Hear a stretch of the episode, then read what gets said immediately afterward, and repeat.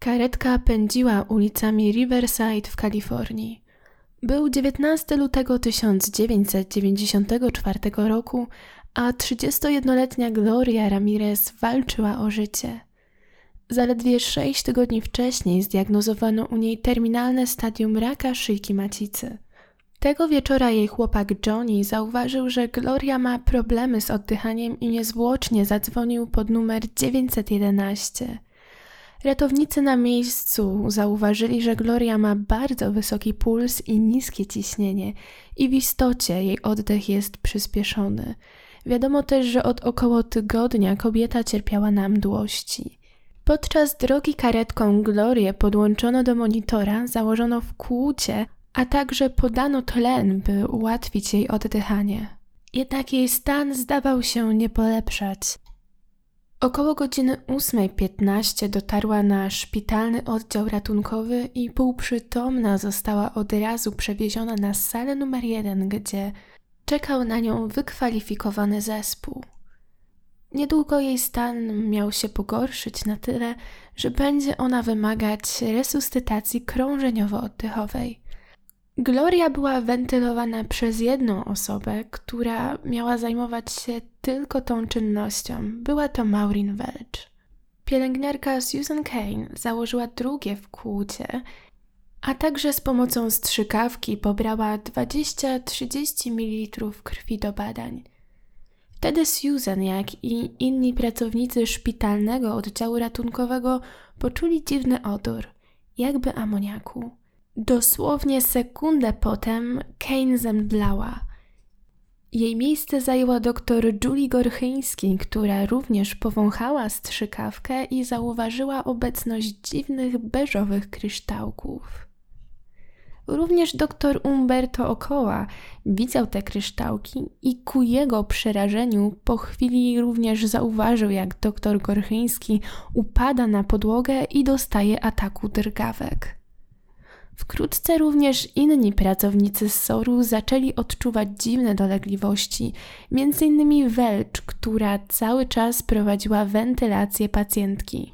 Wtedy to Ochoa jako kierownik SOR-u zarządził jego natychmiastową ewakuację, a sam z garstką personelu został, aby ratować życie Glorii Ramirez. Trakcie resuscytacji Gloria została zaintubowana, podano jej też wiele leków i była kilkukrotnie defibrylowana. Po rozcięciu jej ubrania, aby ją zdefibrylować, lekarze zauważyli, że kobieta pokryta jest dziwną, oleistą, tłustą substancją. Lśniła oleisto, a w powietrzu unosił się dziwny, słodkawo-czosnkowy zapach. Reanimacja była jednak nieskuteczna i za 10 dziewiąta wieczorem Gloria Ramirez odeszła. Odeszła, wywołując reperkusje zdrowotne u ponad 20 osób. Ciało Glorii zostało przewiezione do oddzielnego, odizolowanego pomieszczenia, ponieważ nie można było ryzykować, aby ktokolwiek miał z nim kontakt. Po godzinie dziewiątej doktor Ochoa wyszedł na parking i był w szoku. Na parkingu znajdował się cały ewakuowany na szybko szpitalny oddział ratunkowy, w tym nawet pacjenci w najcięższym stanie. Kane była przytomna, ale jej ręce cały czas drżały, a twarz ją paliła. Gorchyński nie mogła złapać tchu, a jej nogi nadal drgały intensywnie i niekontrolowanie. To samo tyczyło się Welch. Ona również nie była w stanie zapanować nad swoimi kończynami dolnymi. Włączony został alarm, który informował o ewakuacji i oskarżeniu, ale sam Ochoa nie mógł uwierzyć, aby to Gloria była źródłem tych toksyn. Bardziej wydawało mu się, że musiał nastąpić wyciek jakiejś innej potencjalnie szkodliwej substancji, która rozniosła się wentylacją. Karetki, które normalnie przyjechałyby na SOR, przekierowano do innych szpitali, a w drodze już była drużyna hazmat, czyli ekipa od substancji szkodliwych i niebezpiecznych. Jej członkowie, ubrani w specjalne kombinezony zapewniające im bezpieczeństwo, mieli bliżej zbadać sprawę. Każdy z tych strojów zawierał własne źródło powietrza. Około godziny zajęło im zabezpieczenie terenu, następnie weszli do środka. Sprawdzali po kolei każde pomieszczenie, jednak nigdzie nie było śladu toksyn. W końcu doszli do sali numer jeden, gdzie Gloria była tak dzielnie reanimowana. Pomieszczenie to wyglądało niczym pobojowisko i widać było, że działy się tam wydarzenia, które wymagały reakcji w ułamku sekundy. Członkowie ekipy zauważyli, że wentylacja wciąż jest włączona, więc prawdopodobnie jeśli jakaś toksyna znajdowała się w powietrzu, to została ona już wyeliminowana z pomieszczenia. Jednak w takim wypadku powinna się ona roznieść po całym szpitalu, a jednak w innych pomieszczeniach nie wykryto żadnej substancji szkodliwej. Również i w tym pomieszczeniu ich urządzenia wskazały, że w powietrzu nie ma żadnej substancji, która mogłaby szkodzić. Zaczęło się robić coraz bardziej dziwnie. Specjaliści udali się więc do pomieszczenia, gdzie znajdowało się ciało Glorii. Ale tam również pomiary nic nie wykazały. Po skończonej inspekcji ekipa wyszła złożyć raport do swoich przełożonych, którzy również znajdowali się, tak jak cały prowizoryczny SOR, na parkingu szpitala i jednym słowem, które zaszokowało wszystkich, stwierdzili czysto. Było to coś, co mieściło się poza pojmowaniem pracowników szpitala – Jakim cudem 23 osoby, które miały kontakt z Glorią Ramirez, doświadczyły niepokojących objawów zatrucia, a drużyna Hazmat nie wykryła żadnej substancji szkodliwej? Co jeśli tajemniczą substancją był zupełnie nowy związek, taki związek, którego nie da się wykryć dotychczasowymi metodami? Związek, który może być syntezowany tylko w ludzkim ciele? Była to przerażająca hipoteza. Hrabstwo Riverside natychmiast rozpoczęło śledztwo w tej sprawie, jednak musieli oni być bardzo uważni, ponieważ sprawa była delikatna. Media były nią żywo zainteresowane, a ciało cały czas mogło być niebezpieczne dla otoczenia. Próbki powietrza przesłano do laboratorium, ponieważ drużyna hazmat mogła coś przegapić. W istocie rok wcześniej w tym samym szpitalu wykryto siarkowodór, bardzo niebezpieczny gaz, który jednak może pojawiać się w placówkach, gdzie przechowywane są chemikalia. Panowała uzasadniona obawa, że sytuacja mogła się powtórzyć. Mniej więcej w podobnym czasie, bo 24 lutego miała miejsce sekcja Glorii Ramirez i ciało wyniesiono w metalowym, szczelnie zamkniętym pojemniku, tak aby zabezpieczyć otoczenie przed ewentualnymi toksycznymi oparami. Teraz, w późnych godzinach wieczornych, tak aby zminimalizować narażenie na ewentualne toksyny, zamierzano przystąpić do działania – Wybudowano specjalny namiot, tak aby sekcja miała miejsce na zewnątrz, by jak najmniej osób mogło mieć kontakt z substancją niebezpieczną. W namiocie tym, aby zwiększyć bezpieczeństwo, zamontowano kamery, przez które zespół miał być cały czas obserwowany. O pierwszej w nocy główny koroner i trzech innych patologów, wszyscy w strojach od drużyny hazmat, wkroczyli do środka. Drugi zespół monitorował sytuację za pomocą kamer. Po drugiej stronie ulicy zgromadziły się media i dziennikarze czekali tylko na informację, że coś poszło nie tak.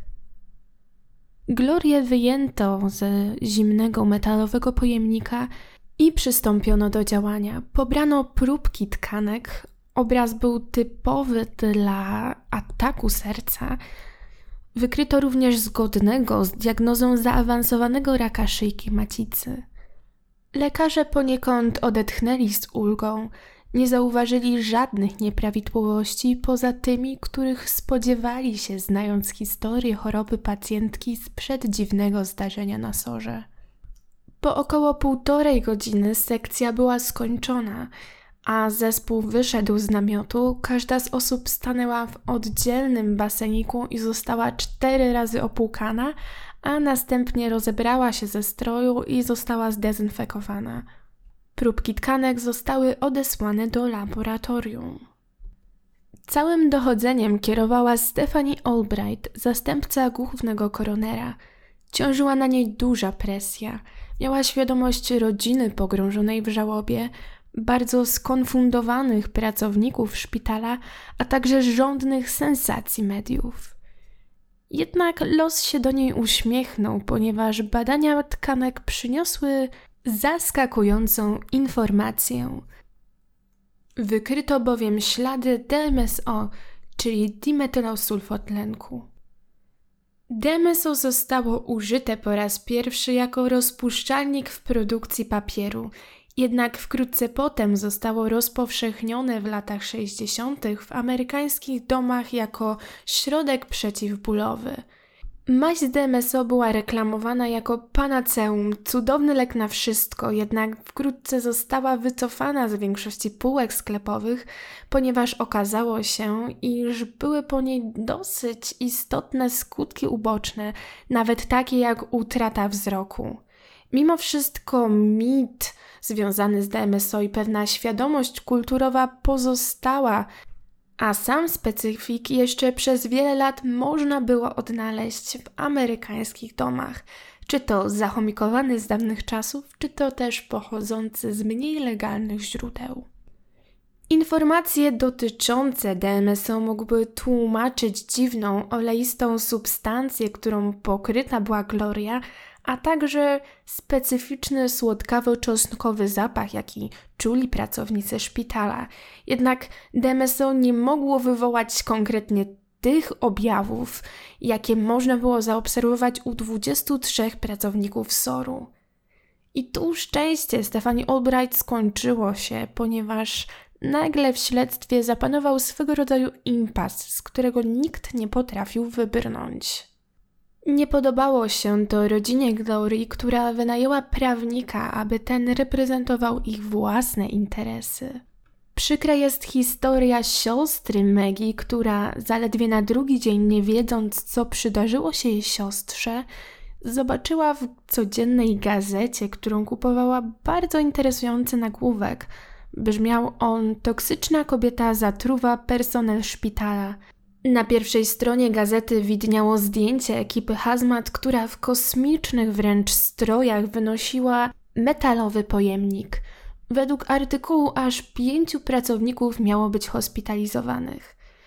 Wiek kobiety, jedyna rzecz, która została o niej podana w tym artykule, zgadzał się z wiekiem jej siostry. To też Maggie pomyślała, że być może jej siostra chodziła z tą kobietą do podstawówki. Odłożyła gazetę, ponieważ zbierała gazety z ciekawymi artykułami na kubkę, by potem podarować ją swojej siostrze Glorii, aby ta miała co czytać w trakcie chemioterapii, którą miała zacząć za parę dni. Później tego samego wieczoru w jej domu zadzwonił telefon. Telefon, który poinformował ją, że kobietą z gazety, kobietą, która zmarła w szpitalu dzień wcześniej, była jej siostra Gloria. Rodzina Glorii wierzyła, że hrabstwo, które miało przecież prawie że nieskończone środki na skomplikowane śledztwo, musi coś ukrywać, skoro w śledztwie nie dzieje się nic nowego. Mieli wrażenie, że tuszowane są pewne nieprawidłowości, które mogły zadziać się na terenie szpitala. Wkrótce potem dowiedzieli się o incydencie z siarkowodorem, który miał miejsce rok wcześniej na terenie tej samej placówki. Poznali także historię Denisa Wise, pacjenta Soru, który został przyjęty kilka tygodni przed Glorią i twierdził on, że musiał podobno dwa razy opuszczać pomieszczenie, w którym się znajdował, ponieważ z jego łazienki wydobywał się pewien tajemniczy gaz o nieprzyjemnym zapachu, od którego robiło mu się niedobrze. Dlatego też polecono mu, aby opuścił pomieszczenie i wrócił do niego później. Denis podejrzewał, że mógł być to tak zwany gaz kanalizacyjny, czyli gaz, który wydobywa się w pomieszczeniach, a jest on wynikiem pewnych reakcji chemicznych, które zachodzą gdzieś głębiej w rurach. Magi, dowiedziawszy się o tej historii, postanowiła poinformować media, aby wywrzeć większą presję na śledczych. Tymczasem 20 marca odbyła się druga sekcja, tym razem bez zawiadamiania rodziny. Pobrano jeszcze więcej próbek, ale one nie wykazały nic więcej niż próbki pobrane za pierwszym razem. Przejrzano też raporty przeglądów hydraulicznych szpitala, aby stwierdzić, czy rzeczywiście gaz kanalizacyjny podczas tych przeglądów był obecny. I 23 marca wydano oficjalne oświadczenie, iż w szpitalu nie stwierdzono ani razu obecności gazu kanalizacyjnego. Próbki tkanek Glory przesłano do innego laboratorium, do Livermore National Laboratory. Przewieziono je na suchym lodzie. I rzeczywiście wyniki badań z tego laboratorium miały wnieść coś więcej, ale Stephanie Albright nie doczekała tej informacji. 27 marca 1994 roku, podczas rozmowy telefonicznej z mężem, z którym była w separacji, kobieta odebrała sobie życie. Sugerowano, że w głównej mierze przyczyniła się do tego presja związana z dochodzeniem. Wyniki z Livermore pokryły się z wcześniejszymi ustaleniami, ale w wątrobie kobiety znaleziono inną substancję, metabolit DMSO, sulfon dimetylowy. Jego obecność tłumaczyła dziwny zapach amoniaku, jaki roztaczał się w powietrzu, ale nadal nie tłumaczyła obecności dziwnych kryształów we krwi kobiety, ani tego, że kilka osób obecnych w jednym pomieszczeniu zemdlało po kontakcie z nią. 12 kwietnia przekazano wyniki z laboratorium, a dopisek nad nimi brzmiał nierozstrzygające. Minęły już prawie dwa miesiące od tajemniczych wydarzeń i rodzina Glorii chciała odzyskać jej ciało, między innymi po to, aby wykonać niezależną sekcję. Lecz hrabstwo utrzymywało, że może oddać ciało tylko i wyłącznie pod warunkiem, że będzie ono w zamkniętym przez cały czas metalowym pojemniku, tak aby chronić otoczenie przed ewentualnymi toksynami. Według rodziny był to ewidentny sposób na zatuszowanie pewnych nieprawidłowości i postanowili oni postarać się o nakaz sądowy. I rzeczywiście w przeciągu kilku dni sędzia wydał nakaz, i ciało 14 kwietnia oddano rodzinie. Dzień później miała miejsce sekcja, wykonana już przez jednego patologa, bez żadnego stroju ochronnego. Nic mu się nie stało, a sekcja nie wykazała żadnych nowych wniosków, między innymi dlatego, że różne próbki, które zostały pobrane, i tak były zanieczyszczone, więc nie przyniosły żadnych nowych wyników. 20 kwietnia nareszcie miał miejsce pogrzeb Glorii Ramirez, a jej rodzina bardzo chciała, by kobieta była zapamiętana za to, kim była, jak żyła, a nie z powodu tego, że media okrzyknęły ją toksyczną kobietą. Zaledwie osiem dni później hrabstwo wydało oświadczenie, które wstrząsnęło opinią publiczną. Według nich Gloria zmarła z przyczyn naturalnych, w wyniku ataku serca wywołanego niewydolnością nerek, która z kolei była spowodowana rozwijającym się w kobiecie rakiem szyjki macicy. Rodzina przyjęła ten wniosek z niedowierzaniem. Również opinia publiczna zaniepokoiła się, jakim cudem kobieta zmarła z przyczyn naturalnych, skoro tak pokaźna ilość pracowników szpitala doświadczyła dziwnych objawów, a także długoterminowych problemów ze zdrowiem w wyniku kontaktu z Glorią. Podobne obawy wyrażały władze na poziomie stanowym, dlatego niedługo potem stan Kalifornia wkroczył z własnym śledztwem. Dwie lekarki, Anna Osorio i Kristen Waller ze Stanowego Departamentu do Spraw Zdrowia, stworzyły specjalny formularz do wypełnienia dla personelu, który tamtego wieczora zajmował się glorią. Dotyczył on objawów, jakich doświadczali medycy. Jednak zsumowanie wyników przyniosło zaskoczenie. Okazało się, że objawy te były bardzo różne od siebie, a przecież wszystkie te osoby potencjalnie zatruły się tą samą substancją. Nie miało to większego sensu, dlatego też po miesiącach pracy lekarki opublikowały raport podsumowywujący, który stwierdzał, że personel uległ masowej histerii. Konkluzja ta była niebywała i zszokowała zarówno media, jak i samych uczestników zdarzeń. Julie Gorchyński była oburzona, ponieważ jej zdrowie tamtego wieczora ucierpiało chyba najbardziej. Po 19 lutego spędziła w szpitalu jeszcze wiele tygodni.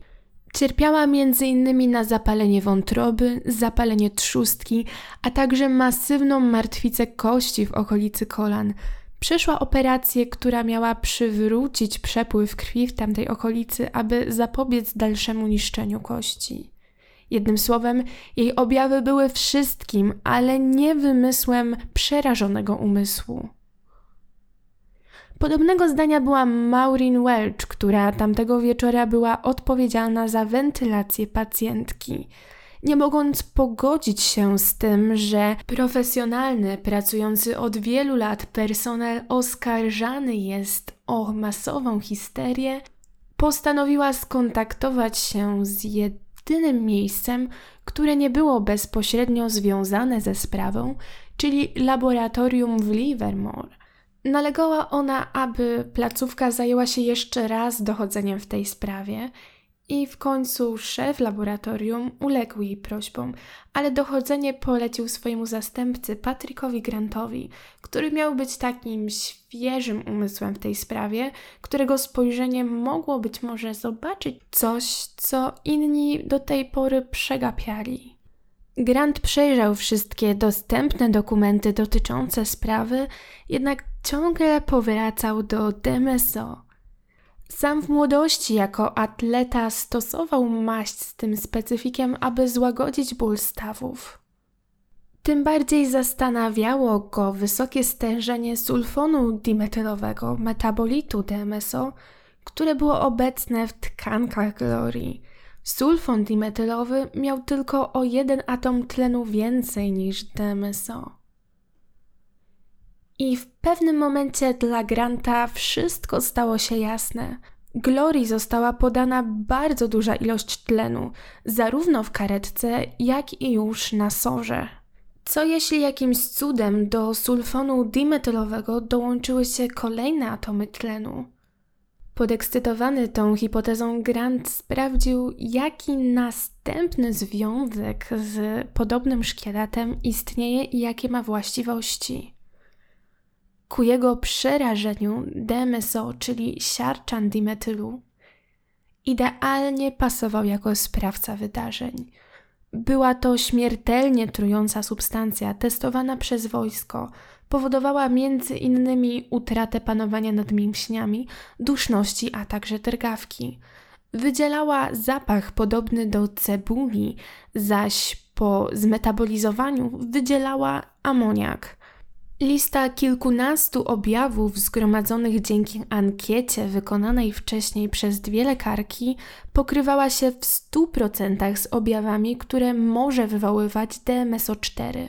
Ale jakim cudem synteza ta zaszła w sali numer jeden? Grant chciał powtórzyć e, to, co zaszło tamtego wieczora w roztworze Ringera. Jest to roztwór, który przypomina swoim składem krew, z tym, że nie ma tam elementów komórkowych.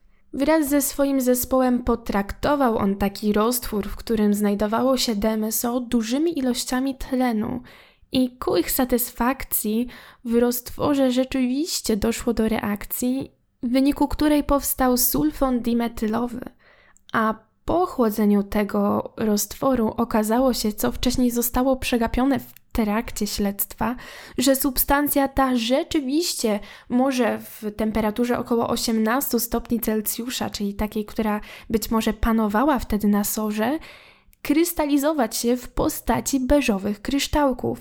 Wszystko się zgadzało. Z tym, że naukowcom nigdy nie udało się syntezować DMSO4, czyli siarczanu dimetylu.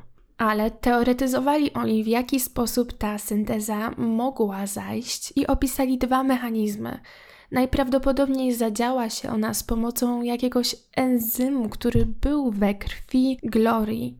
Fakt też, że w próbce krwi nigdy nie znaleziono tajemniczych kryształków, sugerował, że przereagowały one w całości, dając śmiertelne DMSO4. Tłumaczy to również, dlaczego Gloria zmarła z przyczyn naturalnych.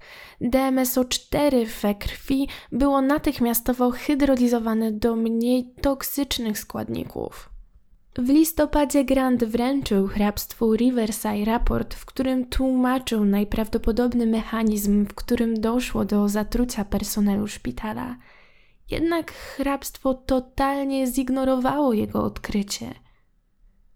Grant opublikował je w postaci opracowania naukowego, zaznaczając, że wyniki te wymagają recenzji innych naukowców, którzy potwierdzą, czy w ogóle taki mechanizm jest możliwy.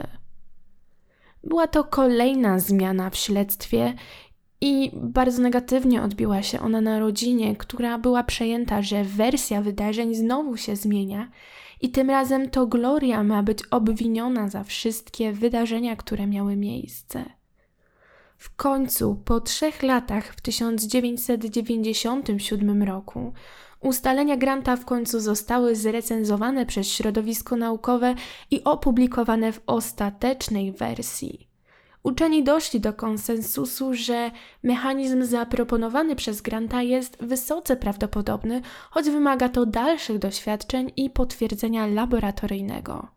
I wersja zaproponowana przez Granta jest uważana po dziś dzień za jedyną słuszną wersję wydarzeń z tamtego wieczora. Sama miałam przyjemność czytać to opracowanie naukowe i uważam, że jest to kawał interesującej, świetnej, dobrej roboty Napiszę Wam pod spodem, jak ta publikacja się dokładnie nazywa. Myślę, że jeśli ktoś jest zainteresowany, bez trudu odnajdzie ją w internecie. Myślę, że będzie ona nie lada gratką dla wszystkich chemików, biotechnologów czy też medyków obecnych tutaj na kanale. W 1998 roku szpital Riverside został zamknięty, budynek został zburzony, a placówka przeniosła się w inne miejsce w mieście. Dla niektórych było to ostateczne przyznanie się do winy i dowód na to, że cokolwiek zaszło w tym szpitalu, zostało nareszcie finalnie bezzwrotnie zatuszowane. W końcu wraz z budynkiem przepadły ostateczne dowody winy stojącej po stronie medyków. Współcześnie samo DMSO można bardzo łatwo kupić w sieci, zarówno jako rozpuszczalnik organiczny, jak również maść na bazie aloesowej. Dziękuję Wam bardzo za uwagę i wysłuchanie dzisiejszego odcinka. Cieszę się, że dotrwaliście do końca. Mam nadzieję, że ta historia Was zaintrygowała tak samo jak mnie. Zapraszam Was do polubienia fanpage'a, a także na grupę na Facebooku. Oba te twory nazywają się po prostu Posłuchaj o zbrodni. Jest to zupełna nowość i mam nadzieję, że dzięki temu, że będziemy razem na grupie, poznamy się nieco lepiej, trochę bliżej. Również myślę, że w momencie, kiedy ten odcinek zostanie opublikowany, będzie aktywny mój Patronite. Dlatego jeśli chcesz mnie wesprzeć, chociażby symboliczną kwotą, albo po prostu poczytać, kim jestem i jakie mam cele na najbliższy czas, zapraszam serdecznie na mój profil, który, jeśli tylko jest aktywny, podlinkuję pod spodem. Życzę Wam wspaniałego dnia lub też miłego wieczoru. Pamiętajcie, dbajcie o siebie, badajcie się regularnie, nie stosujcie dziwnych specyfików o nieprzyjemnych i skrajnych skutkach ubocznych i trzymajcie się. Do usłyszenia. Cześć. thank you